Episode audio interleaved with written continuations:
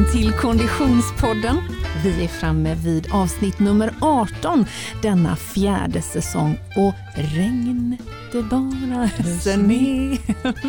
Hej Oskar Olsson. Hej Frida. Hur är läget? Ja, men det, det är bra, jag önskar jag kunde sjunga för jag gillar att sjunga det var ju en trevlig låt nynna på men eh, jag får snabbt avbryta. Och ett sanningshaltigt innehåll. My God vad det regnar i Göteborg du. Ja det kan man säga, vi blev ju blöta, blöta på typ 100 meters gång från frukosten hit. Ja, eller hur. Där jag befann mig för 24 timmar sedan, där förvandlades regnet till snö. Det var lite bättre. Det gillar man ändå. Gillar man ändå. Och så inser jag att det är en sanning med modifikation för även i Åre, åtminstone i byn, så öste regnet ner när jag åkte hem. Ah, Denna det- vinter. Kom igen, Denna kämpa Sverige! Kämpa vintern helt enkelt. Men du, vi ska inte uppehålla oss vid vädrets makter utan idag Oskar ska vi ta oss an ett ämne som lite grann är som eh, hönan och ägget håller jag på att säga, som starten, som alltings moder. Ja. Vi ger oss i kast med grunderna inom konditionsträning.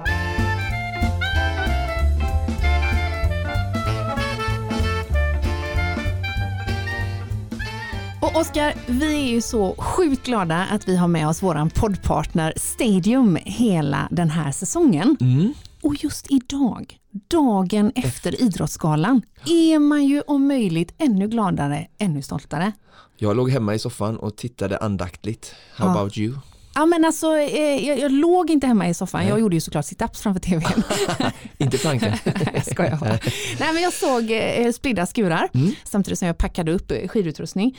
Eh, men, men det var ju en väldigt fin tillställning. Idrottsgalan är ju det vi talar om och det var ju en väldigt härlig gala. Ja, jag tycker det var jättebra. Jag gillar den varje år och eh, grymt bra. Mm, stor eloge till Kristin Kaspersen som leder den med den äran. Mm. Eh, men igår så var ju Stadium med på ett mycket viktigt hörn. Ja, eftersom de har varit med och initierat eh, priset Fair Play som gick till cyklisten Jenny Rissved. grymt. Hennes tacktal du. Det var häftigt. Ja, det var hennes tacktal var häftigt och också den lilla videon som berättade om eh, Fair Play-priset Mm. och, och Stadiums engagemang där. Eh, och också Jennys syn på idrott. Om man skulle liksom ta ut kontentan ur det, vad skulle du säga att det var då? Det viktigaste var ju det som budskapet som hon just att vi ska ha till våra barn. Mm. Alltså det viktiga, jag tycker någonstans att idrott och barn ska vara i, i centrum på något sätt, liksom att då sen även elit eh, blandas ju in där i att de är föredömen och visar vägen och eh, ja, jag tycker mycket eh, ska handla om våra barn just att vi ska vara föredömen och visa vägen och eh, det tycker jag framgår väldigt, eh, var väldigt fint och moget eh, i, i talet där liksom. Mm. ja. Och Stadium själva skriver bland annat på Instagram att priset som delas ut då hyllar en individ eller en företeelse som genom sitt agerande är en förebild och tydligt symboliserar den delen av idrott där deltagandet, utövandet och gemenskapen är större än själva prestationen. Ja, så viktigt budskap. Mycket bra! Tack för det Stadium säger vi och tack för att ni är med oss i podden.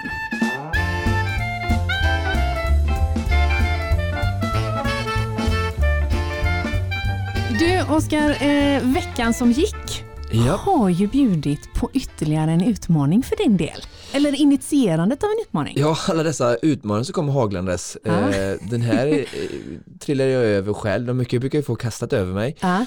Men eh, ja, jag är inne i ett sånt, lite sånt stim va. Men ja, det har blivit en lite, jag får erkänna det, är lite ny grej. Alltså jag har alltid hållit på med styrka och hit och dit. Men eh, de här eh, utmaningarna som ändå grundar sig i att Helen och lite andra människor har utmanat mig ehm, har just att liksom, ja, det blir en extra krydda för min styrketräning och sånt och jag, jag drivs väl någonstans som person eh, av utmaningar Mm, och, och det mm. hjälper mig lite liksom att eh, pusha mig lite mer och göra det på ett bra sätt. Och, Ja, vi och har ju kunnat följa din burpee-utmaning, vi kunde Mm. följa dina styrkelyft eh, eh, och vad är vi nu framme vid? Armhävningar har vi Armhävningarna hade vi också ja. gjort. Eh, nej, nu är det alltså kettlebellsving. Ja, just det. Och vad är det det går ut på? Ja, alltså man svingar en kettlebell. Ja, det är ju det. Eh, jag förutsätter att alla vet vad en, en kettlebellvikt Ja, är. Det tror jag eh, nog så. alla vet. Men, men jag tänkte mer själva utmaningen. Ja, precis. Eh, Men jag vill ändå börja med det att kettlebellsvingen för mig är en väldigt engagerande, muskulärt bra övning. Mm. Alltså den engagerar väldigt bra och stora muskelgrupper mer, så den är ganska underskattad. Ja. Säga att det är en väldigt bra allround-övning, precis som jag tycker eh, burpee är till exempel. Så att det finns ju en anledning, och marklyft också. Ja. Ehm, Så kanske en anledning att jag attraheras av just den här liksom full body eller st- stora delar av kroppens eh, Just det. aktiveringsutmaningar. Armbrytning är inte din grej liksom. Nej, det är ju kanske ingen utmaning jag skulle gå på. Eller fingerkrok. Nej. Men, Eh, men, nej, eh, men och- sving, och utmaningen är så, den är väldigt, den är liksom globalt känd, det är en kille som Mm. heter Dan som har eh, initierat den och ehm, ehm, jag, ehm, det är 10 000 kettlebell som ska göras på ehm, eh, fyra till fem veckor har de skrivit och jag det. var ju tvungen att välja fyra veckor då såklart. Såklart. Mm. Mm. Och vi, det ger mig i princip då ehm, eh, 2500 eh, Svingar. i veckan Ja, och så bryter man ner ytterligare så blir det de, rekommendationen eller det de säger i i utmaningen då att du ska göra 500 per session då mhm. så då blir ju det fem stycken Sessions. sessions per Ja, vecka då det. får man två fem Ehm, så att, eh, det är så jag gör det och sen så har jag, har jag 500. försökt att Hur lång tid tar det? Ja precis, det är lite olika. Eh, Jag blir ju lite starkare faktiskt från gång till gång, lite så här, Mm. man får in lite rytm. Eh, Ja, Sen är det ju så att jag gör det i anslutning till andra pass ja, och en gång gjorde det till ett lite tuffare pass och kände att jag får göra det här i, till, i samman, eh, tillsammans med lite lugnare pass. Just för att det. eh, det är ändå inte helt eh, motståndslöst att göra den här utmaningen. Och vad pratar vi för vikt på kettlebellen? Ja, eh, de rekommenderar ju då en tredjedel av kroppsvikten. Så, Så var det ja, just det. att eh, jag ligger då på 24 för det finns inte 25, jag väger Nej. 75 Ja, just det. Så jag kör med 24 kilo, det är Mm. hyfsat nära. Mm. Men eh, det vill jag också säga att eh, vill man testa den här utmaningen och jag är ganska van med styrketräning och jag har hållit på med det och har ganska mycket kunskap ändå. Ja, Så att eh, jag känner ju ganska fort direkt i min kropp eh, om jag eh, belastar fel och kan justera. Just så att, eh, testa gärna utmaningen en gång eftersom det är en så bra övning. Men då kan man ju ha 12 eller 16 kilo eller 8 eller 10 det finns ju ingen nej, det, det är ingen, alltså all träning blir ju bra liksom. Ja. och det är bättre att börja där och sen kan man ju under utmaningen också såklart höja förändra vikten. vikten. Ja, precis. Och vad, vad är det något annat man ska tänka på i själva eh, swingandet för att liksom eh, Ja, alltså en, eh, man vill ju träna stark bål, stark höft, sätesmuskulatur. Ja, Så ett eh, vanligt fel är ju att folk eh, böjer för mycket benen ja, eller att folk lyfter vikten med armarna. just. Eh, vikten ska vara så långt ifrån kroppen som möjligt eh, och så tyngdlöst i händerna så, Mm. så ofta eller så länge som möjligt i under svingen. Mm, Eh, så att det är ju höft, en, höftfällningen är ju det, liksom det jag vill åt och det, det. Det är där där styrkan, styrkan liksom. och Mm, kraften ska komma. Mm, Och sen eh, viktigt då att man eh, aktiverar sätet så man tänker som man är längst um, upp i svingen när vikten är i höjd med näsan så, ja, så verkligen nypa med rumpan Ja. och spänna stjärten, aktivera den Mm. Annars är det så att belastningen kommer hamna på ländryggen och då kan man få Exakt. ont i ryggen. Då. Så det krävs ju och sen samtidigt eh, spänna magen. Eh, så att magen och sätet behöver jobba annars Mm. kommer ländryggen och ryggen få ta mycket ta smäll. Mm.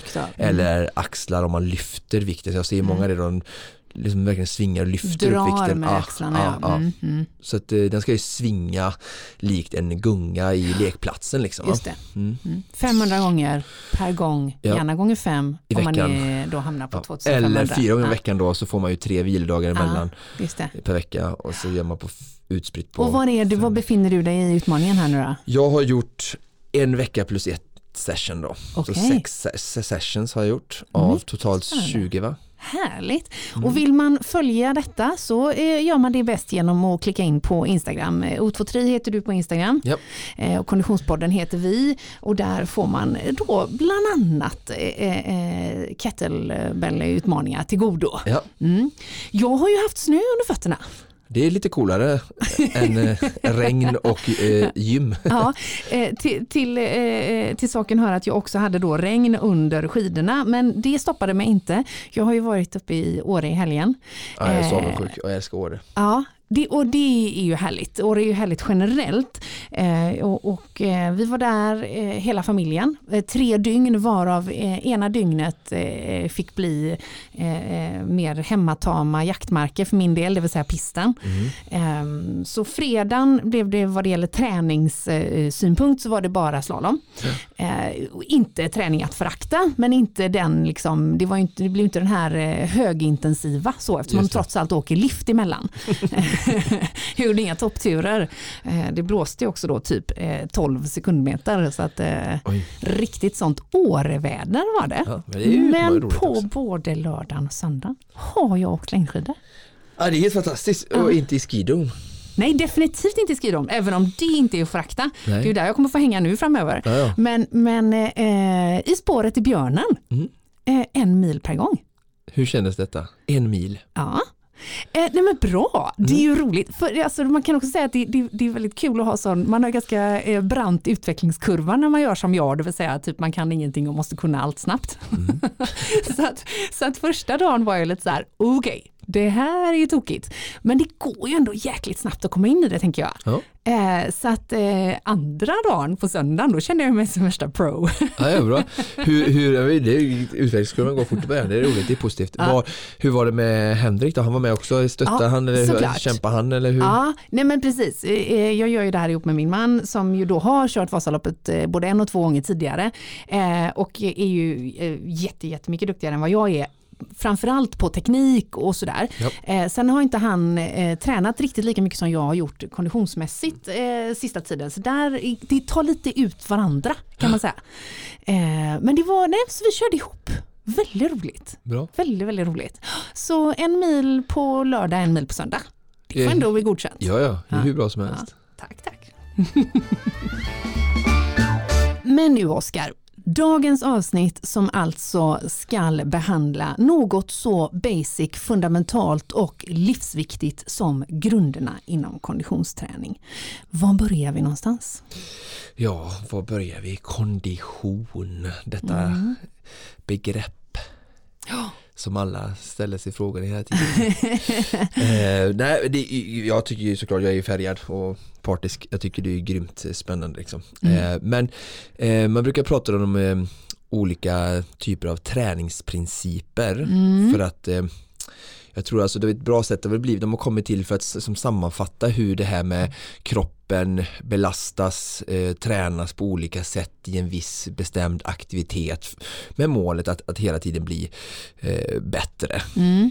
Och, och jag tycker liksom att eh, vi kan använda oss av de här principerna, alltså det är klart att det först och främst liksom på detaljnivå eh, och, och liksom att det brukas av elit i första hand men eh, som allt det fina med elit tycker jag är att det går alltid att tolka ner precis som jag vet gjort jämförelser förut med mode att det Mm. liksom tolkas ner till mer gemene man, alla har inte råd att Absolut. köpa en jacka för 10 000 liksom. Mm, så fick mm. man köpa en liknande på H&M för 900 så Mm. det är samma sak här, vi har mycket att lära oss så att jag tycker alla de här, ändå man kan se de här principerna som, som generella eh, Mm. lärdomar men eh, mycket som sagt kommer ju från eh, forskning och studier på för att liksom utveckla elit och man pratar, alltså det är mycket prestationsinriktat Mm, liksom i mm. forskningen så Eh, men ja, det, de är väldigt bra tycker jag. Mm. Hur många tycker, principer är det då? ja, sex, sju stycken. Mm, Okej. Ehm, så att eh, vi börjar väl uppifrån och går Mm. neråt. Ehm, alltså i grunden så är det, är det ju, ehm, handlar det ju om att man belastar kroppen Mm. Och sen så får du en återhämtning och det är ju återhämtning någonstans som, eh, som själva växten eh, Mm. kommer. Och man Mm. kan se det, eh, tycker jag, om man eh, jag tycker om vi börjar där med belastnings eh, överbelastningsprincipen så kan man se det som eh, om man har en graf framför sig Mm. Ehm, nu, nu ritar jag här framför Mm. Frida för att försöka stå i luften. Väldigt poddlikt. Ja, Mm. precis. Och ehm, om vi har då en graf, ett strecket, baslinjen om vi säger så, där är någonstans nuvarande eh, nuvarande liksom kapaciteten eller där du befinner dig just nu. Mm, Och det kan mm. vara vilken nivå som helst. Ja. Och sen så tränar du, då går det som eh, kurvan då vi målar ett streck, Ja. då dippar den ju ner under Ja. du befinner dig för att du bryter liksom ner kroppen Ja. Ehm, och så bryter du ner hela tiden du tränar Ja. och sen så fort du slutar träningspasset stänger jag av Mm. klockan, paus, stopp Mm. efter dina 5000, 5 gånger 1000 på skiäringen hemma Ja. i Kungälv. Ja. Så börjar kroppen direkt fatta liksom att pang, ja, eh, nu är det färdigtränat, Ja. nu ska vi börja liksom bygga upp Mm. och eh, jag gjort med jämförningar, alltså vi, och det har vi ju som ett, ett, ett system i kroppen så Mm. kroppen känner av det att nu ska jag börja bygga upp detta för att vad ska man säga, eh, utan att gå in för djupt, men liksom skydda sig mot nästa gång, eh, gång Mm. här, kroppen utsätts för detta liksom. Ja. Eh, så är kroppen väldigt bra på att anpassa sig, precis som efter kyla och värme och vi, alltså vi anpassar oss efter rådande Mm. eh, klimat och sådär va, runt om på jorden. Eh, så då börjar återhämtning, då börjar kurvan liksom vika uppåt. Mm. Och passera där man var Ja precis, eh, baskurvan. Men det betyder ju, det har ju en viss, beroende på vilket träningspass Mm. och beroende på hur du sköter återhämtningen Mm. som innebär vila eh, och sen har vi ju liksom det här med, med stresspåslag utifrån andra livet och så har vi med mat och allting sånt där så, så kommer ju den kommer styra hur den kurvan vandrar uppåt. Mm. Mm. Men i en perfekt värld där kroppen får eh, accurate rest Mm. time och eh, mat och inte för mycket hets och stress från utelivet så kommer ju den ju fortsätta i en bra ehm, lutning uppåt Ah, och ah, passera bas, eh, baslinjen Mm. för att eh, då vid en, en eh, unik specifik punkt plana ut. Mm. Alltså, och det här kallar man för liksom superkompensationen, det är det man vill ha åt i träningen Mm. då. Det här, vad kan man säga, vägen från att den vänder nerifrån och uppåt Mm. är det som den sträckan där då kallas för superkompensation och det är det allting vi vill ha från pass till pass, från vecka till vecka, månad till månad, år ut och år in i träningsläran. Och för att, jag menar, eh, det här är hur det funkar. Sen är det ju in på detaljnivå att styra och kunna påverka den kurvan på ett bra sätt. Och det är ju mycket det jag gör i mitt yrke när jag coachar. Att liksom, för det är ju så liksom att vissa hårda pass kan ju ta eh, tre dagar, så 72 timmar För, för, för eh, liksom, Mm. den kurvan och då kan man bara göra väldigt lätta saker och vissa pass tar 12 timmar max Mm. eh, eh, att återhämta sig från. Så att det där är ju liksom, det där kunskap och erfarenhet kommer in att hålla på och skruva och laborera och, Mm. och sånt där som elitåkares tränare sitter och analyser. Alltså ju Mm. mer data man får som tränare, ju mer kan man skruva och göra Mm. rätt där liksom. Mm. Men principen är ändå densamma och ju högre nivå man kommer ifrån, eh, på eh, ju viktigare blir ju alltid de här knapparna man skruvar på. Men det finns ju allt ifrån liksom eh, Frida Karlsson och Stina Nilsson, Mm. Charlotte elittoppar och så har vi ju dig och så Ja. har vi de som är ännu lägre Ja, än dig. ja. Så det finns ju väldigt stort spann där liksom. Men principen är fortfarande den- densamma Mm. och komma ihåg liksom Mm. att vi jobbar alla ut efter samma förutsättningar och grundprinciper. Mm. Och, Så eh, be- ja. belastningsprincip. Ja, precis. Mm. Och överbelastningsprincipen. Överbelastning, ja. Mm. Och det är ju att man hela tiden då eh, liksom belastar. Eh, för att då när vi har gjort den här första kurvan så är det ju så eh, eh, att då vi kommer till en ny nivå Ja. så måste vi ju liksom överbelastningsprincipen bygger på att vi måste belasta kroppen över en viss nivå för att Mm. Om vi säger så att vi är på baslinjen Mm. och du som är då hyfsat ändå vältränad får vi säga eh, går upp för en trappa Mm. så belastar inte du kroppen tillräckligt Nej. mycket för att kurvan ska börja gå neråt. Nej, det. Utan du bara befinner dig kvar på baslinjen. Så överbelastningsprincipen kan vi säga bygger ju på att att du belastar kroppen, man brukar säga över 60% av ditt max. Okej. Mm. Eh, Så för en vältränad människa så betyder det att den behöver jogga Mm.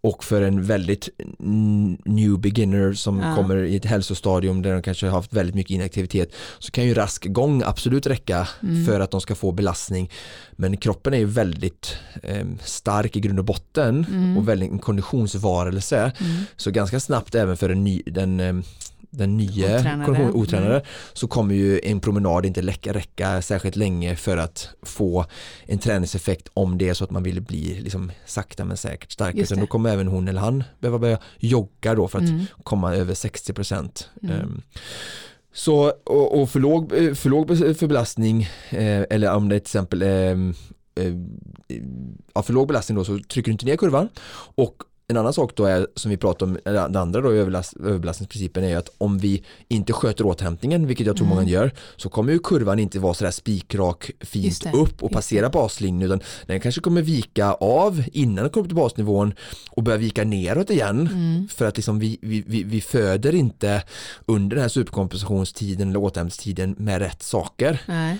Så att det, då kan vi, det, är, väldigt lätt att många som elitmotionärer tränar och tränar och blir sämre och sämre för att man inte har, man tar inte den här eh, Är det tid det framförallt handlar om? Eller? Ja, det, det är med regnfaktorer men vi- Ja, eh, tid och hur, vad vi gör i vilan. just det. Längden på vilan Mm. beroende på vilket pass Mm. och det hinner vi inte gå in på här Nej. riktigt. Men och sen också vad jag väljer att göra för saker. Mm. Och här får vi också, om man inte tar yt, hjälp yt, utifrån så får man ju hela tiden lära, går det väldigt långt att lyssna till kroppen och känna, Mm, man känner ju mm. kroppen att ja, men idag är det lite slit och kör hårt idag, ska Mm. nog göra det lugnt idag. Mm. Och sen nästa på, nej, nu känns det bra, jag är återhämtad, bara Mm. kör igen. Mm. Jag sover inte så bra i natt, kanske inte ska göra det här hårda passet, kanske Mm. köra ett lugnt pass. Alltså, någonstans, eh, alla coacher cred till dem, men någonstans vet vi mycket mer och har mycket mer svar inne i oss själva Mm. Än vad vi lyssna. tror. Våga lyssna. Ehm, så det är jättebra och sen Mm. har vi reversibilitetsprincipen, alltså reverse som är Mm. tillbaka. Och det är ju eh, ganska självklart i detta vi pratar om nu då att tränar du inte tillräckligt ofta eller hårt, Mm. alltså många kanske liksom inte har någon kontinuitet, jag pratar mycket om när jag får frågor bland eh, eh, följare och, och andra kunder och sånt där så så är det just kontinuiteten eh, jag tror många eh, tappar. Alltså de tycker så här, men på ett år sett så, så, så tränar jag ändå ganska mycket en aktiv människa Ja. men så har man haft liksom, perioder där man inte fått någon kontinuitet i träningen och är man på en, en okej nivå som du till exempel Mm. och så är du klar med typ Göteborgsvarvet och så får du, är det sommar i Sverige och allting och sådär alltså, då går det ganska liksom, börjar ganska gå fort bakåt liksom. Inte så att det är någon fara för hälsan Nej. men så kan kanske folk, folk säga så men för jag blir aldrig bättre, jag tränar ju varje år och allting så här, fast då får man gå in och titta lite så här, vad har du gjort under perioden och sådär liksom, och då tycker jag ju så här att nyckeln till en stadig eh, alltså ha en stadig uppåtgående kurva sett över några år det är ju alltså kontinuitet, kontinuitet och så är det ju med det mesta när man coachar företagande eller sparande i aktier eller Ah. idogen vinner på något sätt va? Men går det Mm. att göra, går det att, att liksom generalisera på när man bryter kontinuitet? Alltså vad, vad, hur, vad, vad pratar vi om? Pratar vi om när det går mer än sju dagar eller när vi pratar om mer än två veckor eller när det går mer än en månad? Går det, går det att liksom att sätta nu, alltså, nu förstår jag än en gång då att vi måste ta en, ett- vi kan ju ta mig då bara för att eh, folk har Enkelt, lite ja. koll på Mm. min eh, träningssituation. För jag är ju exakt den här personen. Ja. Det är ju, det, är ju Ja. det det handlar om. Jag tränar ju Mm. jättemycket i perioder och jättelite i andra perioder. Ehm, va, va, hur lång får en sån jätteliten period vara? En vecka Det är så lite alltså. En vecka. Mm. Ja, Det är bra. För att om, om, om syftet hela tiden är att bli starkare och bättre och inte Mm. slippa behöva börja om från noll hela tiden. Mm. Sen är det så, det börjar inte om från noll, det är Nej. ju en, en överdrift. Mm. Men ehm, och men sen är det ju ofta så här, hur ofta, det är, det är väl okej om det är två veckor, men jag har ju till mina eh, coachkunder och många, vi har ju viloperioder på två till fyra veckor Ja. efter ett tungt liksom 11 månaders år. Ja, fast Då är det är det sak. jättevälbehövligt. Ja. ja. Men jag menar, det vanliga är väl ofta att folk har en sån här en eller två veckors period ganska ofta på ett år sett Ja, menar jag. Eh, och då blir det ju mycket mer eh, obra liksom med För det är klart det är inte helt ovanligt att folk blir sjuka i en till två veckor också. Liksom. och de blir ju oftast sjuka för att de ligger fel i de här belastningsprinciperna Mm. med träning och återhämtning i Mm. övriga livet och Mm. vi vill träna mer än vi kanske kan ibland för att vi har valt även om vi tror att vi skyller på yttre omständigheter så är det vi själva som har valt livet vi lever varje dag Ja, ja, med ja. alla åtaganden och ja, jag har ju dagishämtat, ja men du valde ju att skaffa tre barn. Jo, Så att, eh, ja. Nej, men jag försöker bara vara liksom hårdra det någonstans så att, så att vi blir också sjuka ofta på grund av hur vi lever. Det finns ju han ehm, ehm, Iceman nu som jag Mm. inspireras av och Monica Björn Ja. ehm, till kallbaden, han har inte varit sjuk på 25 år. Liksom. Nej. Så eh, alla måste ju inte vara sjuka. Mm. Nej, nej, nej, nej, absolut. Jag bara konstaterar att okej, Mm. men vi, vi, så, så att eh, i eh, reversibilitetsprincipen så pratar vi om kontinuitet Ja. också. Ja. Mm. Okej. Och ha en förståelse för det. Ja. Och jag menar, eh, det är ingen fara, jag förstår att livet händer och vi väljer in andra saker det händer, men det är ändå bra att känna till och det är det jag vill liksom föra fram med att slipper folk stå så frågandes hela tiden att de aldrig Mm. blir bättre för att eh, förstå det här att om vi inte har kontinuerlig träning så går det bakåt. Ja. Och sen då progressionsprincipen, Mm. också väldigt viktigt och det här tror jag som vi har varit inne i ett avsnitt, eh, det finns avsnitt i podden där vi pratar om träningsplanering. Mm. Och det här tror jag, och då när jag, då jag kommer tillbaka till det här i, i liksom det konkreta och ha en plan och vara tydlig och struktur och det är också som jag gör i mitt dagliga jobb. Eh, både när jag coachar företag om hur de ska träna mot Göteborgsvarvet eller även individnivå att vi Mm. sätter upp liksom tydliga mål och att, vi, att jag hela tiden eh, när jag gör det åt mina kunder då så har jag en tanke hela tiden hur vi ska progressera, alltså sakta men säkert öka. Mm. Och här tror jag det är viktigt att även, vilket är helt, alltså det vanligaste att man tränar själv och sådär, att man ser till att ha en plan i alla fall. Sen exakt hur planen är, men har gjort någon typ av plan i alla fall, så tror jag att eh, det är väldigt mycket lättare att följa den här progressionsprincipen, alltså att jag ska göra så här, det här och så ökar det här mycket mil per vecka eller vikt i gymmet och har gjort en liten skiss precis som ett, på ett väldigt banalt sätt men det som vi har gjort med din planka så har vi som stegas liksom så. Så kan ju alla göra också. Mm. Bara sätt det på pränt på enklaste sätt eh, på något sätt. Ha någon plan i alla fall för att Mm. annars tror jag att det finns en väldigt stor risk att eh, en sak är väldigt vanligt att vi, vi stannar kvar. Vi blir Mm. bekväm på en viss belastning, en viss fart, en viss vikt och så om vi går till gymmet och lyfter typ samma saker och inte Ja. ökar. Men samma sak med mitt marklyft där, jag ökar ju med fem kilo i veckan. Det är också ett bra exempel på liksom att hela tiden belasta kroppen mer och mer. Mm. Men inte för mycket.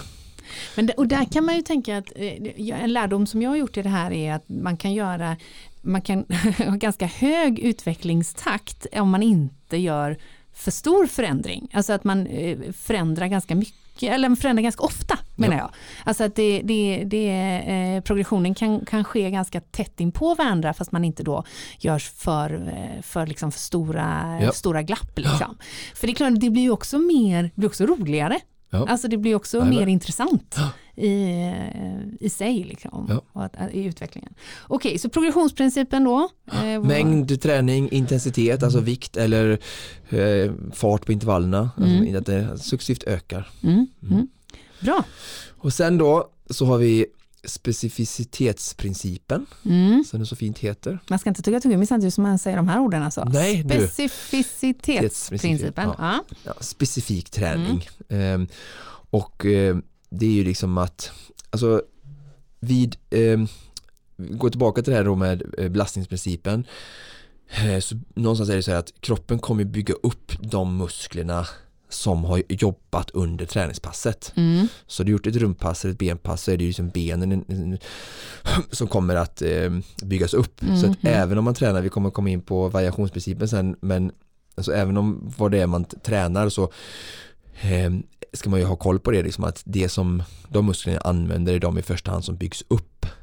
Så att eh, vill jag, håller jag på med en benidrott eller någonting och jag även håller på med alternativ träning så kanske jag ska liksom aktivera i första hand så mycket den delen av kroppen Mm. som, alltså så, och då är det ofta så att då börjar man med den frågeställningen när man pratar om specifi- specificitetsprincipen så liksom, vilka typer av krav är det som ställs på den unika tävlingssituationen som till Mm. exempel ett eh, Vasalopp nu som stundande för många Mm. eh, med överkropp eller eh, vad är det för grejer jag ska liksom jobba med Ehm, vad är det för krav då? Men det är axlar, det är mage, det är rygg, det är, det är mycket överkropp i ett, i ett sånt lopp som Vasaloppet till exempel som är mycket Mm. stakning och sådär då. Så att man ställer sig de frågorna och då även om man inte håller på med skidåkning så förstår man ju att ja men jag kanske ska vara lite specifik den här tiden om året att jobba lite mer med överkropp ehm, för att liksom gynna de muskelgrupperna och att det är de som kommer liksom byggas upp i återhämtningen Mm. Eh, och stärkas då. Mm. Så det är ju att, att jag är allt för eh, alternativ träning Mm. men ändå har en förståelse för den specifika, specifika liksom, eh, träningen eh, Mm. och att det är de som byggs upp. Liksom. Mm. Jag kommer komma in på det lite sen när vi pratar om pulszoner också men jag kan bara säga det att som exempel när man kör tröskelträning så löpare ska hålla på med uthållighet i löpning eh, och inte kanske köra sin tröskelträning i någon annan idrott även om man tränar det centrala systemet då, utan veta liksom att ja, men, träna ben specifikt då, för det är, det, som, det är de kraven som ställs för liksom, tävlingssituationen då. och det är Mm. någonstans det som är syftet tänker att bli bra på det liksom. Mm. Så att, eh, och, och även då specifika, eh, eh, även där liksom att eh, både varaktigheten, att man är specifik i, alltså jobbar med eh, längd då, alltså det var ju det här jag, det här är ett tydligt exempel är ju det kopplat till det vi har sagt förut, jag gav lite tips till någon lyssnarfråga tror jag om, Mm. ja men vad ska jag träna nu, det är nära Vasaloppet och jag har lite panik och, Mm. Mm. och då, både i podden och till mina andra Vasaloppsgrupper så har jag sagt liksom att ni behöver ut Mm. Och vara specifika i tävlingstiden. Just det. Det är inte bara specifik I i, i muskelgrupper. Nej. utan det är också i intensitet och i varaktighet och när man pratar om specificitetsprincipen och eh, rörelsemönster, vilken typ av aktivitet och Så därför sa jag det, gå ut i fyra timmar och gå med stavar. Det. Det är, liksom, det är de möjligheterna vi har här i Göteborg och det är fullt tillräckligt liksom. Men Mm. vi, vi kan liksom inte köra en timmars pers på lunchen tre gånger i veckan och sen Nej. ställa oss och köra ett 9-10 timmars lopp och tro liksom att det här kommer bli hur enkelt och skönt som helst. Mm. Mm. Och jag säger inte att vi inte kommer ta oss igenom det Mm. men jag pratar alltid om att liksom försöka ha en så bra upplevelse som möjligt och ha en så bra prestation till ens individuella max som möjligt. Mm. Det blir ju mycket roligare då. Mm. Så det är också specificitetsprincipen, inte bara aktivitet där utan även varaktighet och liksom Mm. så då. Så att eh, ja, viktigt nu så här i stundande Vasaloppstider. Mm. Bra. Sen eh, vidare då, två kvar, eh, variationsprincipen. Mm. Och eh, det här tror jag är jätteviktigt och också, alltså jag tycker att eh, ja, men i och med våra nya, alltså mer gruppträningsformer och olika saker så tycker jag folk blir bättre och bättre Mm. på att träna varierat. Eh, och jag Men- tror att, ja. Eh, Oh, förlåt, Mm. men det, det är viktigt ur ett allmänt perspektiv eller också ur ett liksom mm, Alltså på variation för vad då? Liksom? Mm.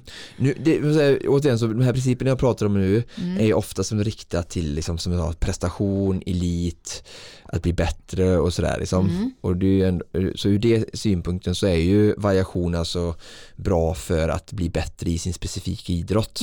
Men om man väl, om det fokus är att bli bättre i en viss idrott, eh, triathlon, swimrun, Mm. skidor, löpning, så är, finns det kanske ändå liksom en, en gräns för hur bred variationen Ja, ska men vara. precis. Men sen om vi pratar liksom rent bara då hälsomässigt som blir en annan diskussion, Mm. men om vi bara ska toucha den så är ju all typ av variation supernyttigt och då kan man ju vara hur bred man vill i variationen Mm, för mm, att mm, mm. träna liksom kroppen allsidigt. Ja. Så då blir det ett annat så. Men Mm. om vi håller oss kvar här lite nu då liksom att så variation är ju ett, det ena är ju att att eh, man kan minska träningsbelastningen på enskilda muskler och specifika rörelser. Alltså någon som är simmare som ska simma ett helt år och behöver en stor mängd och belastning på kroppen för att hela tiden bli bättre Mm. kan det bli väldigt monotont med samma typ av rörelse hela tiden och särskilt också löpning eh, som också är ganska liksom som så belastningsutsatt på kroppen, på Mm, knän, mm. leder, höft och är ganska skadeutsatt och sådär liksom. Så är det, eller triatleter som också mycket träningsmängd och sådär, så är det inget dåligt att, att liksom åka till exempel skidåkning Nej. som tränar det centrala systemet väldigt bra, så det är bra för all konditionsidrott, men även överkroppen då, så skidåkning kan ju absolut ge en starkare liksom rygg och bål och armar för simningen. Ja.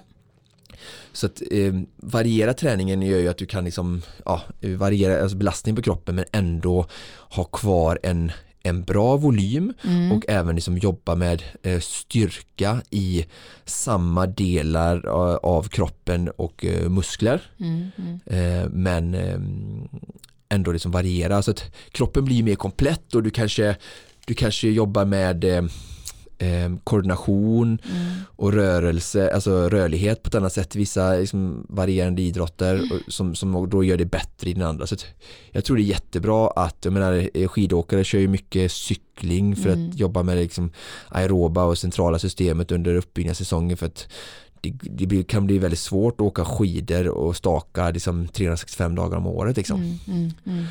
Så liksom att, att variera både för belastningen men även för att utveckla nya muskler som ändå är med och arbetar eh, vid, ehm, vid den specifika idrotten då. Mm. Så variationsprincip eh, var inte rädda för att testa nya saker men försöka ändå ha en tanke att ja, men det är typ eh, liknande rörelser och eller, eller muskler som i min specifika idrott som jag gärna vill använda som är med här. Mm. Mm. Så eh, liksom, ja, alltså simning för en renodlad löpare är ju Ja. kanske inte jättemycket jag kan se benefits. Nej. Sen vattenlöpning är ju jättebra. Ja, Springa med wet west för att minska Ja. belastningen och jobba med höften och i samma rörelse med koordination och allting. Så det är jättebra. Mm. Eh, ja, du Mm. förstår vad jag Ja, menar. ja, och absolut, eh, sen simning då för en icke-kunnig eh, tränar till exempel inte eh, centrala systemet så mycket. Så jag Nej. skulle säga en löpare skulle vara mycket bättre att köra stak eller eh, skidintervaller. Mm. Mm. Mm. Eller rörlighetsträning generellt kanske. Ja, Mm. yoga, Mm. men det är ju i Mm. och för sig alla Mm. Ja, men mår bra. precis. Men, Och så är det den eviga tidsaspekten bara att få, Ja. få det att gå ihop. Men okej, så variationsprincipen då. Och sen den sista, eh, individualiseringsprincipen. Ja. och ack ej även sist men ack ej så viktigt att, att glömma och eh, nämna. Eh, och det är ju någonstans den här förståelsen för hur anal, eller på att säga, men hur ja, anal och strikt forskningen ibland kan vara och sådär så är det ändå viktigt att ta hänsyn till respektive individ och dess förutsättningar och Mm. det finns många individer med olika förutsättningar som tävlar på samma alltså, premisser, det är samma idrott Mm. och är nära varandra prestationsmässigt men som är, har helt olika kroppar eller förutsättningar Mm. och de har säkert blivit framgångsrika fast är helt olika eh, för att de har lärt sig att se till sina svagheter men även se och highlighta sina styrkor och använda dem på rätt sätt. Mm. Alltså det finns någon som är lång och någon som är kort i en idrott eh, eh, som ställer ungefär samma krav så lär de sig att hitta sina Mm. eh, styrkor. Så att, att, och då menar jag vad jag har sagt med detta då, jo men att eh, det är lätt nu när vi har liksom, tillgång till mycket em, eh, teknik och även vi kör mycket gruppträningar och i föreningar och allting, olika träningskonstellationer, att vi jämför oss med andra och kopierar. Mm. Jag är väldigt van vid att folk ser, om han den här tränar så här och ska träna så här. Men jag menar jag, alla mina eh, individer som jag coachar då eh, är ju alla unika och jag kan ju inte sitta och köra samma på allihopa utan jag ser att de har olika eh, styrkeprofiler eller Mm. förutsättningar så jag behöver ju träna dem på olika sätt även om de kanske har en Ironman på 10 eller 11 eller 13 timmar samma som slutmål så finns det väldigt många olika vägar dit att nå dit Mm. Och Tror du att- på talang? självklart Mm. alltså jag vet ju vad min talang är Ja. Och den är jag ju väldigt, den är jag ju väldigt noga med i tävlingssammanhang att fokusera på, lyfta fram, stärka och välja tävlingar som passar mig och min för jag vill ju prestera på topp. Mm. Ehm, Så att jag känner ju väldigt mig väl och sen samtidigt då så vet jag att jag kan bli ännu mer komplett om jag jobbar med mina svagheter. Så Mm. att jag jobbar ju med mina svagheter också. Och Mm. jag menar, ehm, ja med slätlöpning och eh, teknik i vattnet. Eh, Mm. Alltså tekniken i, i vattnet är liksom, jag, styrka har jag tillräckligt så jag behöver inte bli starkare i vattnet. Nej. Men eh, utveckla en bättre teknik och så då går jag hos simcoachen varje vecka och tränar liksom eh, teknik utan andra saker liksom. Mm. Som, men egentligen är det, har jag ju som dolme och paddel när jag tävlar så det är klart jag måste träna det också men många i swimmen kanske bara kör nästan paddel dolmar men för mig då som vill bli helt komplett så är det väldigt viktigt för mig att träna vanlig simning också och bli bättre på simning och ja, så det är väldigt viktigt att jobba på sina svagheter också Mm. så att, men överhuvudtaget invaliditetsprincipen är ju liksom, det är ju någon sån här ja, forskning är detta men sen har vi också vi kan inte bara hitta en mall som funkar på alla så att det är viktigt att ta- och, och se, se till eh, att vi föds med olika förutsättningar och, och det är bara helt normalt Mm. Mm. Okej, så vi har eh, eh, ett antal olika träningsprinciper här nu då som vi har eh, Ja, för att få en förståelse igenom. för Mm. liksom hur, vi, vi pratade i början med det konditionsträning och det, Mm. i grund och botten är det någonstans liksom att det, det är en träning som ska eh, genomföras.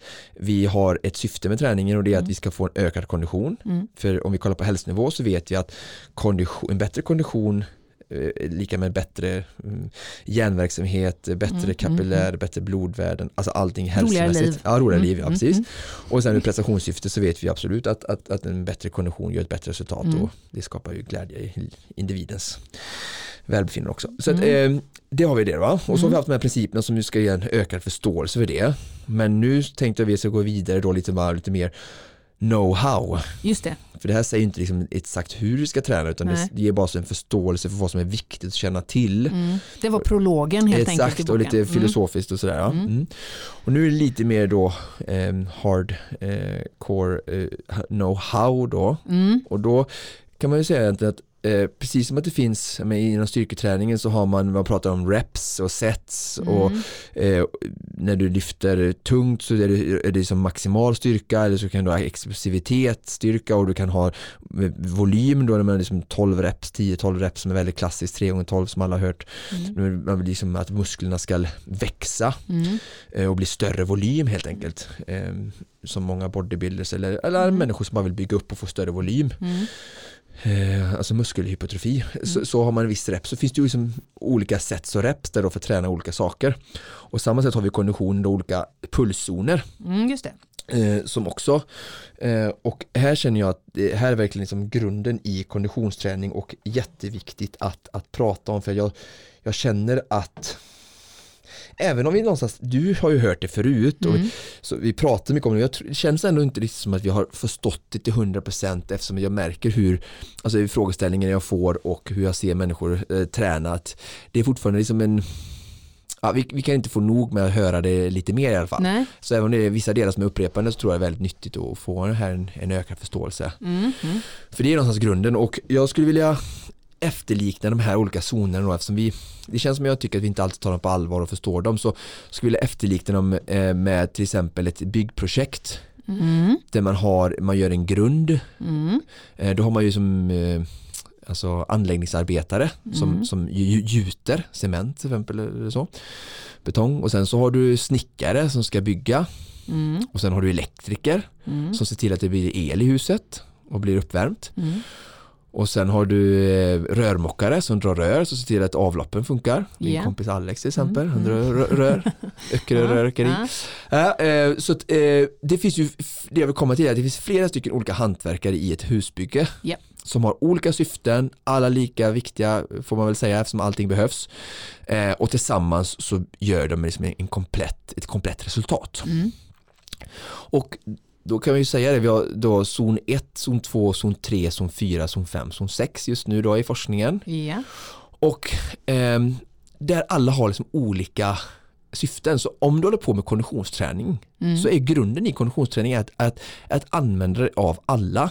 Mer eller mindre i stor utsträckning beroende på ett, eh, vilken typ av tävlingssituation du ska utsätta dig för Mm. och nummer två vilken, ehm, eh, vilken grad av eh, ambition du har.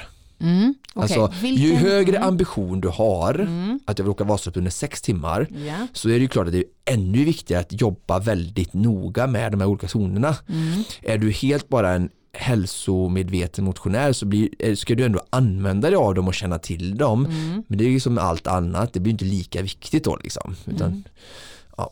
Så att eh, det, det blir ändå grunden att ha, liksom ha förståelse för att vi säger att ja, men jag, jag kör inte så mycket med zon 4, nej, men vi plockar bort elektrikern då. Ja, Mm. men hur blir bra blir huset då liksom? Mm. Mm. Mm. Mm. Och, och jag kan ju bara prata ut, alltså jag säger inte att man inte kan träna utan zoner, Mm. men någonstans är det nu liksom att jag vill berätta grunderna i konditionsträning och det ultimata eller liksom för att göra det så bra som möjligt.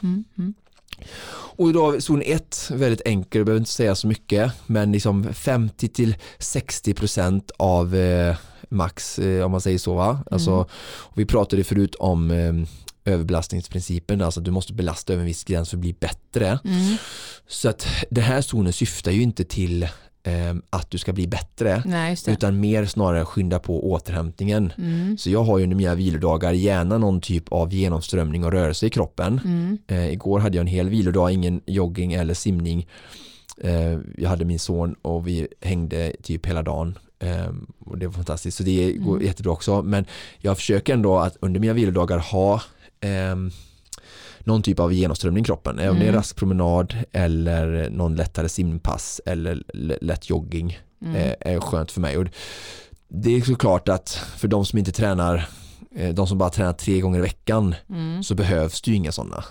Då är zon 1 bara Helt onödigt. normaltillstånd. Ja, precis. liksom. Ja, precis. Mm. De, de behöver inte påskynda sin återhämtning för de får Nej. naturlig och Mm. perfekt återhämtning bara att de tränar måndag, onsdag, eh, fredag Mm. och de andra dagarna blir återhämtning och där kommer kroppen hinna Ja. att den här, få den här kurvan att gå upp så att säga. Mm. Men jag som är väldigt nedtränad och kanske, för det är ju så även som vi, det kan också använda att zon 1 är väldigt bra eh, eh, sätt att ha i efter ett pass. Mm. Så säg att du ska köra ett intervallpass Mm. så är det bra att börja i zon 2. Du behöver inte köra zon 1 utan bara rätt in i zon 2 Ja. upp till 60-65% liksom i 15 minuter för att verkligen bli varm och börja svettas. För i zon Mm. 1 är det väldigt sällsynt att du svettas. ja. Och ehm, ehm, ja, eh, använder som uppvärmning och sen Mm. kör du ett intervallpass och sen använder du zon 1 som nedvarvning då. För att liksom ha kvar genomströmningen och har du kvar genomströmningen som du har i zon 1 mot att du sitter helt stilla Mm. så eh, påskyndar du eh, process, Återhämtning. återhämtningsprocessen Mm. och bortförande av slaggprodukter och sådär. Så att det är också en sak som folk kanske kan bli bättre på att lägga in zon 1 i efter träningspass. Jag skulle Mm. gärna vilja att du kör eh, ja men liksom, om vi skulle ultimera det är ett bra exempel, du går in och kör 5 gånger 1000 och sen plankan, Mm. det, det är ju liksom förkastligt egentligen mot Mm. det här då, eh, Mm, kunskapen att Mm. först så kör du 1 till 2000 i en lugnt prattempo där du Just skulle det. kunna ta ett samtal med dina barn och instruera Mm, liksom maten hemma Mm. med dina airpods Mm. och, och sen så måste du lägga på för nu ska mamma köra sina 5 gånger 1000 Just det. som hon precis. kör på 4.59 med en och en halv minuts vila och sen så avslutar hon med en tusen meter då i på åtta minuter eller i, liksom, i Mm, noll mm. motstånd i, eller, i eller du går och tar ett annat jobbsamtal på Mm, löpbandet mm, och, och eller- sätter på ja, cykeln och mm. kör i zon 1 då. Mm. Då har du liksom påskyndat men annars är det så om du struntar i den sista Mm. 10-15 minuter så kanske det, det tar samma sak kanske tar två timmar hemma i soffan att genomföra kroppen, att genomföra, ja, men nu har vi en process här, vi ska få bort de här produkterna från musklerna som har liksom jobbat och är lite sura, så bort Mm. med den skiten, städa undan lite som man städar hemma med en söndag Mm. och sen så börjar vi liksom jobba upp kurvan uppåt, förse musklerna med eh, Mm. ny näring och mitokondrierna ökar och liksom Mm. vi bygger och blir starkare och sådär. Eh, då kanske den processen tar liksom två timmar hemma i soffan mot att den tar 10-15 minuter på gymmet på löpbandet. Mm. Så ner i zon 1 efter Ja. liksom ett eh, ansträngt pass då. Ja. Så ska man få in stretchen också där bara på tid då. Om man Ja, det här med 24 timmar, men det har ju alla här ja, ja, ja, ja, jag bara säger. Jag bara Ja, säger. jag ja. vet, jag skojar. Okej, Mm. men eh, så zon 1 Ja. eh, är vi där då. Mm. Och så, eh, var vi inne och touchade på zon 2, Precis. upp till 65 procent sa du. Ja, och eh, här har vi då liksom eh, 60 till eh, 70 75 procent, lite beroende på vilka skolor man kollar på, Mm. eh, av eh, VO2 eller jag tycker vi kan eh, låta folk använda sin eh, maxpuls här som referens. Mm. Ehm, och ehm, här är ju liksom ur elitverksamhet och elitmotionärverksamhet och sådär Mm. så är det här de mest timmar bedrivs eller bör Ja. bedrivas om man har en, en ganska stor volym av konditionsträning. Mm. Eh, för att den har ju inte så stor belastning eh, men ändå ganska relativt stor träningseffekt. Eh, och även människor som, som tränar 1500 meter eh, som är alltså väldigt kort tävlingstid kör ju mycket zon 2 under grundträning och vanlig träning. Eh, så att eh, det är en väldigt, liksom, det är den mest van- vanligaste liksom, förekommande eh, eh, zonen, liksom träningszonen. Mm. Jag skulle säga att eh, elitaktiva eh, som har mycket träning som från 15 till 30 timmar i veckan skulle lägga nog 70 till 90 procent av sin eh, träning i den här zonen. Mm. Lite beroende på idrott. Och eh, som sagt det går att prata i den här eh, zonen. Det är bra Mm. kännetecken. Liksom. Det är sånt Ja. snacktempo som folk kan relatera till. Man tränar eh, i först och främst eh, lokala faktorer. Eh, och då säger jag liksom Lokta- lokala faktorer. faktorer ja, och eh, förmågor i musklerna, alltså saker som händer ute i den specifika muskeln som rörs Mm. till exempel. Mm. Ehm, och alltså, eh, musk, alltså muskelns förmåga att arbeta överhuvudtaget i den rörelsen. Mm. Eh, mitokondrierna ökar som är Mm. nyckel i den som kan säga, motorn i cellen eh, ute i den arbetande muskeln. De blir bättre hela tiden. Och eh, att omsätta, alltså förbränningsmotorn blir här, Tänk en kall motor som inte funkar så mycket eh, i en bil men den blir varm eller så var det förr i tiden, nu är det Mm, mycket mm, bättre. mm, Men.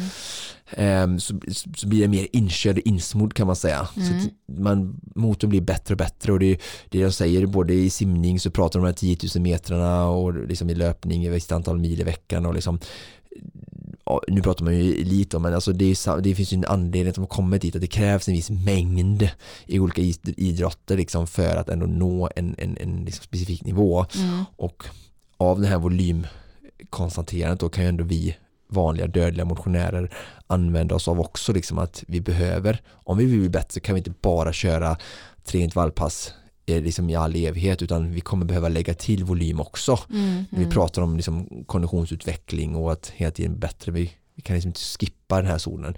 Men återigen som vi sa, om vi handlar om att inte prestationsökande under flera år är målet så, så kan vi ju hålla oss till två, tre effektiva intervallpass och så är vi, är vi nöjda med det. Ja, just det. Just det. Mm. Mm. Ehm, och sen överhuvudtaget eh, så är zon 2 förbättrar din grundhållighet eh, vilket i sin tur betyder liksom att eh, du, det jag sa var inne om, om, om Vasaloppet här att eh, eh, du ska ju, de många konditionsidrott är ju relativt hö, långa liksom, Mm. varaktigheter liksom. Mm. Eh, speciellt våra lyssnare säkert håller på med eh, saker som är mer än en timme och sådär. Så att i zon 2 så håller du på i tre timmar och, och går stavar till exempel så blir ju kroppens liksom, tålighet och vana för eh, långa varaktigheter bättre. Mm. Du kommer aldrig bli bra på att köra ett Vasalopp om du bara kör 45 minuters lunchpass liksom. Ja, såklart. Mm. Mm. Så en stor och väldigt viktig eh, zon kan man säga. Mm. Mm. Sen har vi zon 3 då, eh, tillhör också basträningen som zon 2 Mm. men eh, skulle kunna få lite mer benämningen snabbdistans Mm. som folk kanske är vanliga vid och eh, det här är liksom lite tuffare distansfart eh, fortfarande distansfart och eh, i många fall kanske för kortdistansare så är det absolut under tävlingsfart men för en maratonlöpare så börjar det närma sig eh, eh, tävlingsfart då, Mm, inte mm. riktigt skulle jag säga. Ehm, och eh, det börjar bli, här börjar det bli ansträngt att pa- prata, brukar Mm. man säga, och man blir kanske lite mer fåordig och inte, ja, inte lika sugen att prata. Det är det. också en ganska bra benämning liksom, Ja. på, på detta. Liksom, och, och här vill man också eh, öka grunduthålligheten men också även förmågan att kunna hålla en jämn och hög fart. Ja.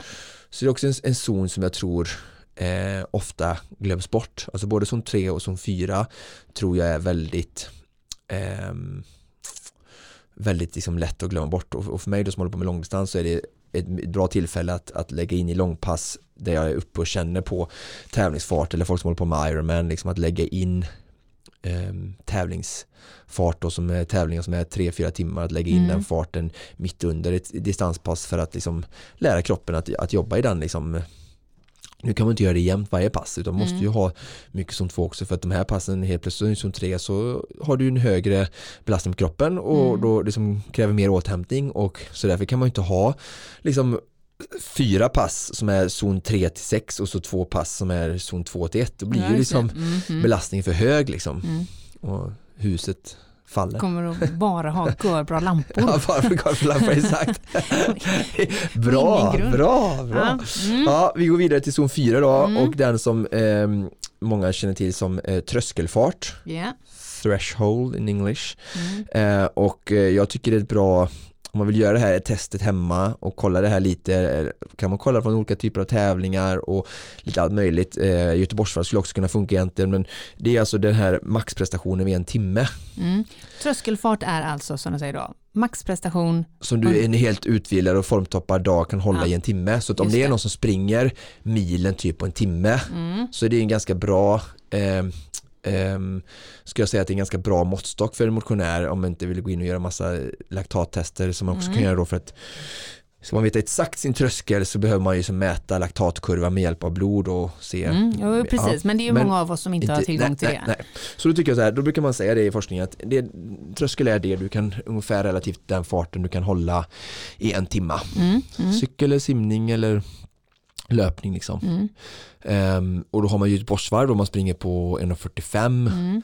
då kan man ju veta liksom att ja, men det är ju fem minuter per kilometer då är min tröskelfart betydligt bättre än det då kanske min Mm. tröskelfart är närmare ah, säg 4.40 Mm. 4.30 Mm. kanske För lite klarar beroende på du rörelseekonomi. under två timmar eller under Eh, En 45 timme 45, dagar. ja precis. Så på en timme kommer vi klara högre. Mm. Så man kan ändå liksom titta lite sådana tävlingsresultat när man har gjort bra prestationer Mm. och försöka liksom ja, resonera med sig själv fram till en Mm. hyfsat bra tröskelfart då. För att Mm. även om man har, den är ganska liksom liten också, den zonen Mm. brukar man säga ungefär 85 till 90 procent. Mm. Så den är ganska tight för det är ganska Mm. specifik just där du ska ha det här rätt millimol i blodet Mm. av laktat och det är där du verkligen tränar den här uthålligheten då. Mm. Och ehm, så eh, även även man har zonen då, eller pulszonen, så, och pulsslagen man får om man räknar ut 85 till 90 så ser man att det blir ganska få, alltså kanske för mig, för mitt fall är det ju mellan 160 62 till 173 eller något sånt där. Det är Mm. ganska litet fönster. Mm. Men då är det ju bra att även ha fart. Just det. Eh, jag tycker, alltså, jag tycker Vadå, att vadå bra Mm. också fart? ja, fart blir ju liksom någon typ av eh, given belastning. Ja. 4.30 minuter per kilometer i Ah, löpning. ja, du har det som en mätare cykel. menar Ja, du? också. Mm, mm. Alltså, du har både pulsen och farten. Jag Mm, tycker det är bra att mm. jobba med båda de två parametrarna för att se att du ligger någorlunda rätt. Mm. Och vare sig pulsen eller, eller, löp, eller farten eller de är liksom för långt ifrån varandra så är det Mm. någonting som är fel. Antingen är du för bra tränad eller så har du för hög puls för du inte är fittig nog Mm. återhämtad att göra det här passet. Eller. Så det, det är bra att liksom ha dem hela tiden så att de ska liksom korrelera det. Jag Mm. tycker alltid att pulsen ska vara ehm, det ska alltid vara den överordnade. Tongivande. Ja. Mm. Mm. Men det är väldigt viktigt också att, att hela tiden se eh, och jämföra med den givna belastningen. Ja, Mm. famlar man ju helt i mörkret. Liksom. Mm. Mm.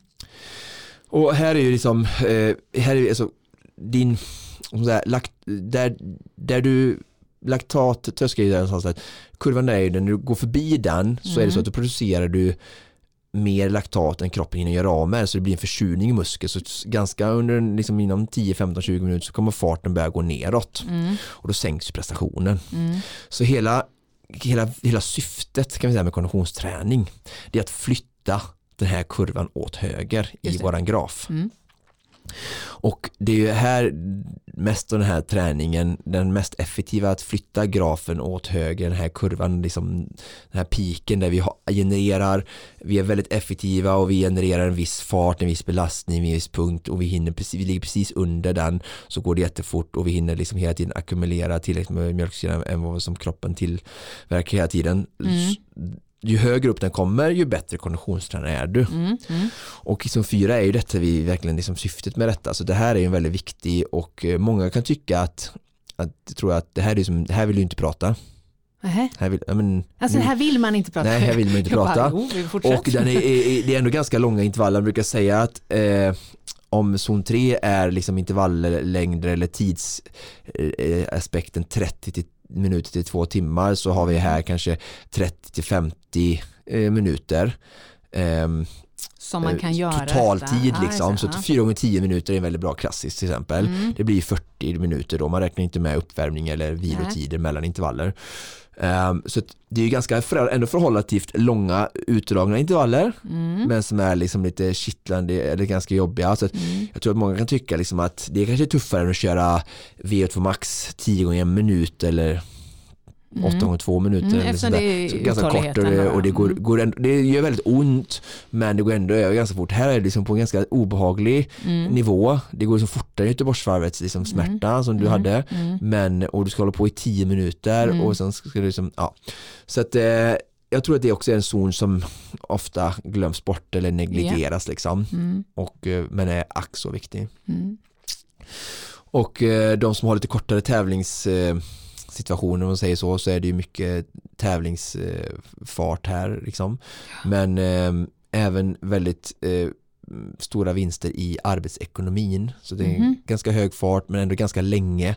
Så man jobbar mycket med förbättrad eh, arbetsekonomi i den här eh, zonen. I den, ja. Mm. Fjärde var vi där då alltså. Mm. Mm. Två kvar. Mm. Eh, zon 5 då. Mm. Här är vi verkligen tung hjärtträning och mjölksyraträning. Här eh, är också, här är vi som, här har vi passerat, här tränar vi alltså över våran Mm. laktatkurva. Så här kan vi inte, här kan vi hålla på ännu kortare tid. Här brukar man säga liksom 10 till 30 minuter max eh, effektiv intervalltid och eh, syftet med det här är att skapa och, och framförallt upprätthålla en, en hög fart. Ehm, och ehm, egentligen så kan man säga eftersom det är så hög tung träning så är det alla delar i ut, eh, uthållighetsförmågan och alla typer av muskelfiber eh, tränas här. Men samtidigt och sen är det väldigt, liksom, också väldigt positiv effekt på laktatkurvan och flytta den åt höger. Men det är samtidigt en väldigt tung eh, träningszon så man kan inte göra för många och eh, frekventa pass på eh, den här. Nej. och eh, till skillnad från, alltså zon 4 ska jag säga så här, där är det ändå hanterbart. För där ligger du på eller precis under din tröskel så du ska ju ändå liksom, när du stannar där, här är det liksom här blir det bara surare och surare hela tiden så att här är det liksom, ja det är, det är tunga intervaller och Mm. eh, det, det stumnar fort liksom. Mm. Mm. Så det är en tung och sen Vad har har vi vi då kvar till zon 6? Ja, precis. precis. Ja, eh, här har vi den som är haft eh, träning av, man brukar säga, träning av maximalt syreupptag. Mm. Jag brukar säga syreupptag är ju liksom, det ska jag säga, jag brukar säga att det är liksom bästa jämförelsen är um, kroppens hästkrafter. Japp. Och eh, även om du har en liksom, om du kör i 100 km så säger har du en bil som har 100 hästkrafter och en bil som har 500 hästkrafter så behöver en större motor jobba mindre för att upprätthålla en given belastning eh, Mm. som liksom marschfart liksom. Så att alla behöver ha en, eh, eller vill ju ha en så stark motor eller förbättra hästkraften i sin motor. Och det gör det ju såklart i zon 5 också men framförallt zon 6 så är det liksom den här är det effektivaste träningen för att höja ditt syreupptag då. Mm. Um, och syreupptag är alltså förbränning i musklerna, Mm. kroppens eh, förmåga att syresätta eh, det, blodet per kilo kroppsvikt. Ehm, det är det som är någonstans den givna eh, mät, mätningen för. Ehm, ju högre testvärde och syreupptag du har ju bättre konditionsförmåga har du och eh, elitidrottare har beroende på idrottare, men de bästa idrottarna mellan 80 till 90 eh, skidåkare till exempel. Mm. Cyklister, triatleter har också högt, löpare lite lägre men där är arbetsekonomin och vikten lite eh, viktigare Mm. eftersom man hela tiden bokstavligen förflyttar kroppen eh, själv hela tiden. Så att, kanske 70-75 där på elitlöpare. Men så att det i alla fall syreupptaget eh, är det syftet att hela tiden liksom öka där och här snackar vi alltså 10 till 16 eh, 10, max 20, 10 till 16 effektiva intervaller liksom. Mm. Folk känner till 4 gånger 4 och 5 gånger 3 och ja, eh, men någonstans mellan 3 och 5 minuter skulle jag säga. Mm. Intervallform då. Okej, Mm. sex stycken Mm. eh, pulszoner. med alla unika syften och viktiga att vidröra i olika, på olika sätt i sitt, i sitt, sitt eh, träningsupplägg. Hur får man bäst koll på sin egen, sina egna pulszoner? I sin egen träning, om man nu inte har Oskar Olsson stående bredvid sig när man tränar. Mm. Vad, hur, hur tar jag bäst reda på detta? Det är en vanlig pulsklocka eller vad är, hur, hur, hur hanterar jag detta? Nej men det är väl bra, eh, alltså ett maxpulstest Mm. eh, och ibland så tycker jag återigen så kan vi utnyttja och använda, många av våra lyssnare har säkert gjort väldigt tuffa träningspass, det kan vara med en grupp eller kolla liksom i klockan, där, det var, jag höll på att spy och kliva, vilja kliva ur mig själv eller jag låg ner på marken och hade svårt att få luft och jag, läpparna stack och vita Ja. fingrar och sådär.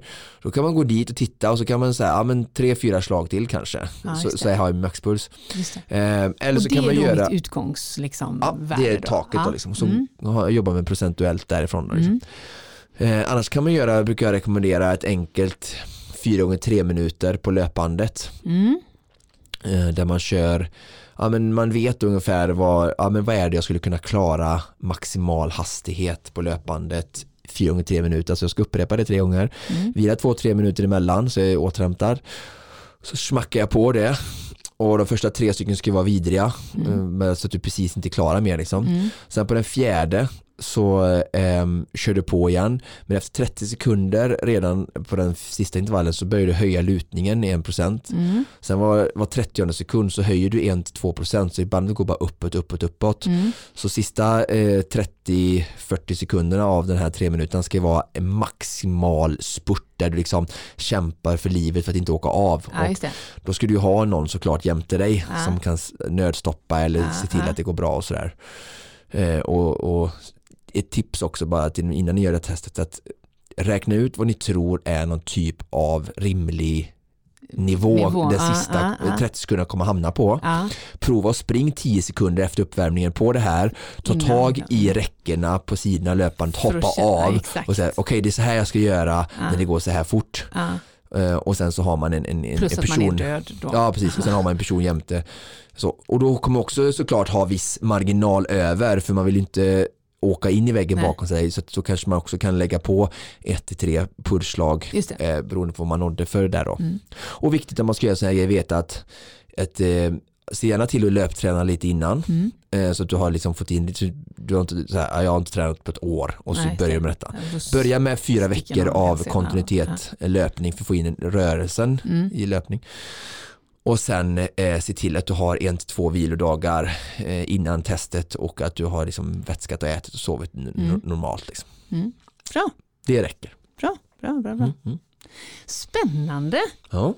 Så vi har helt enkelt eh, summerat, gått igenom, eh, eh, eh, Principerna dissekerat. kring eh, träningslära och konditionsträning Ja. och sen lite know-how. Mm. Och så tänkte vi skulle avsluta eh, avsnittet här nu då med eh, liksom intervallträning eller intervalluppbyggnad eller hur man tänker, hur man laborerar. För att vi pratar om olika zonerna och de bygger någonstans hela tiden som jag pratat utifrån intervaller men lite då hur och eh, vad man har för typer av faktorer då tänkte jag avsluta med. Mm. Mm. För ja, ehm, man, jag tycker man kan, alltså zon 2 är väl inte intervall men det blir ändå en enda lång intervall på något sätt också och eh, varje pass eh, tycker jag både distansträning och eh, de andra olika zonerna ska liksom, tycker jag är viktigt att ha en uppbyggnad med uppvärmning, Mm. en huvuddel och en, en eh, nedvarvningsdel då för återhämtningens skull. Och det, simningen har ju väldigt bra där tycker jag. De är mycket bättre än många andra idrottare kanske. Eh, De har liksom, eh,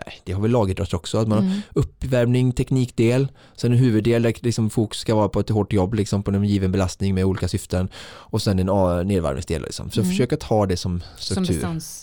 Och Mm. det är återigen, det jag, jag pratar om, vi börjar med det här avsnittet, konditionsträning, struktur, ha en plan, progressionsprincipen var inne på, skriv ner det lite och samma sak med passen, ha alltid ett syfte med ditt pass Mm. och kommunicera det till dig själv innan eller till din grupp om du Mm. gör det med en grupp. Mm.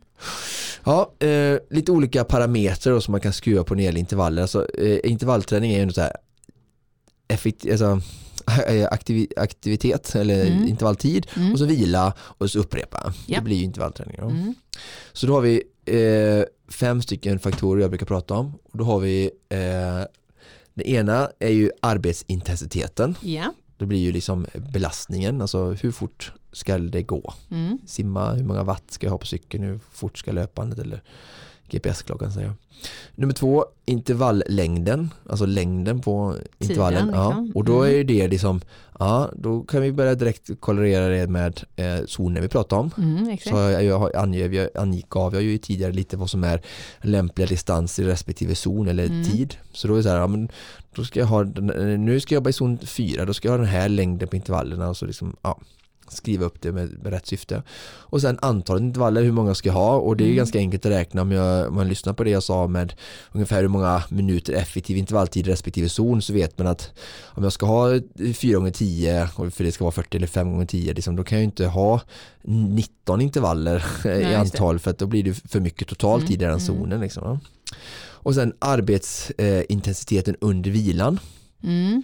Är också faktiskt någonting som jag tror kanske glöms bort att många bara står helt stilla och här finns också som parameter då som är ganska intressant att skruva på där till exempel många maratonlöpare eh, kör en ganska tuff intervallträning med där de under vilan ändå har fortfarande ganska hög relativt liksom vilohastighet och Mm. springer i för att lära sig ackumulera mjölksyra och de kanske kör en hård intervall sen går ner på tävlingsfart för att simulera eh, eh, trötta ben under tävling. Ja, man kan inte springa 42 km jämt så blir det väldigt sett att kommer det en intervall som är ganska hård så går de ner Mm. på tävlingsfart så får de verkligen liksom hur det är att springa Ja. i sin tävlingsfart på relativt trötta ben. Ja, det. Men det är Ja. också ett sätt som är, inte, som är prövats ganska ofta och som eh, rullande och kenyansk fartlek är ganska eh, vida känt eh, i löparsammanhang då där man kör en fyrhundring eller en tvåhundring liksom hårt och sen så den andra tvåhundringen, fyrhundringen går liksom ändå ganska jobbigt också men ändå Ja, hanterbart. Eh, så eh, arbetsintensiteten under vilan är Mm. också en, en parameter att, att man kan liksom skifta med och jobba med. Mm. Och sen då har vi det sista eh, som är längden på vilan. Mm. Ehm, och där till exempel när vi kör tröskel då eh, så brukar man säga 25% av arbetstiden. Av arbetstiden. Så mm. kör du en fyra minuters intervall så ska du ha en minut vila. Mm. Mm.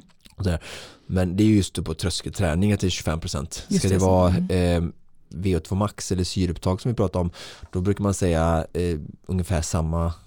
Likvärdig. Ja, ja. Mm.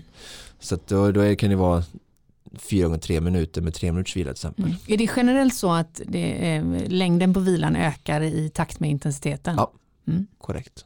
Bra sammankoppling. Okej, där har vi en, en snabbkurs i intervaller också. Alltså. Ja, Ja, det är ju ett ämne som vi eh, gräver ner oss i i många sammanhang Ja. eh, och säkerligen kommer att återkomma till för vi får ju ofta frågor på det och tips på bra intervallupplägg och liknande så det kommer Mm. vi säkert att återkomma till. ja.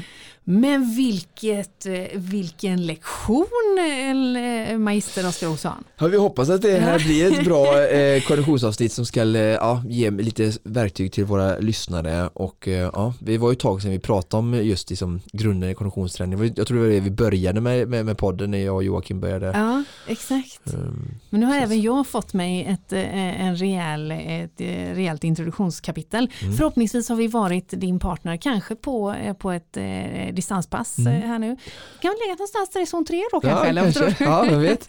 Hoppas att gå hem nu och slår sak, vad heter det, sak i tak, tak i sak. Slag i saken. Slag i taken, Ja. ja. Och eh, tar ett anteckningsblock och eh, gör lite anteckningar. Ja, precis. Både eh, var man befinner sig och sina ambitioner då, Ja, ja. såklart. Kul.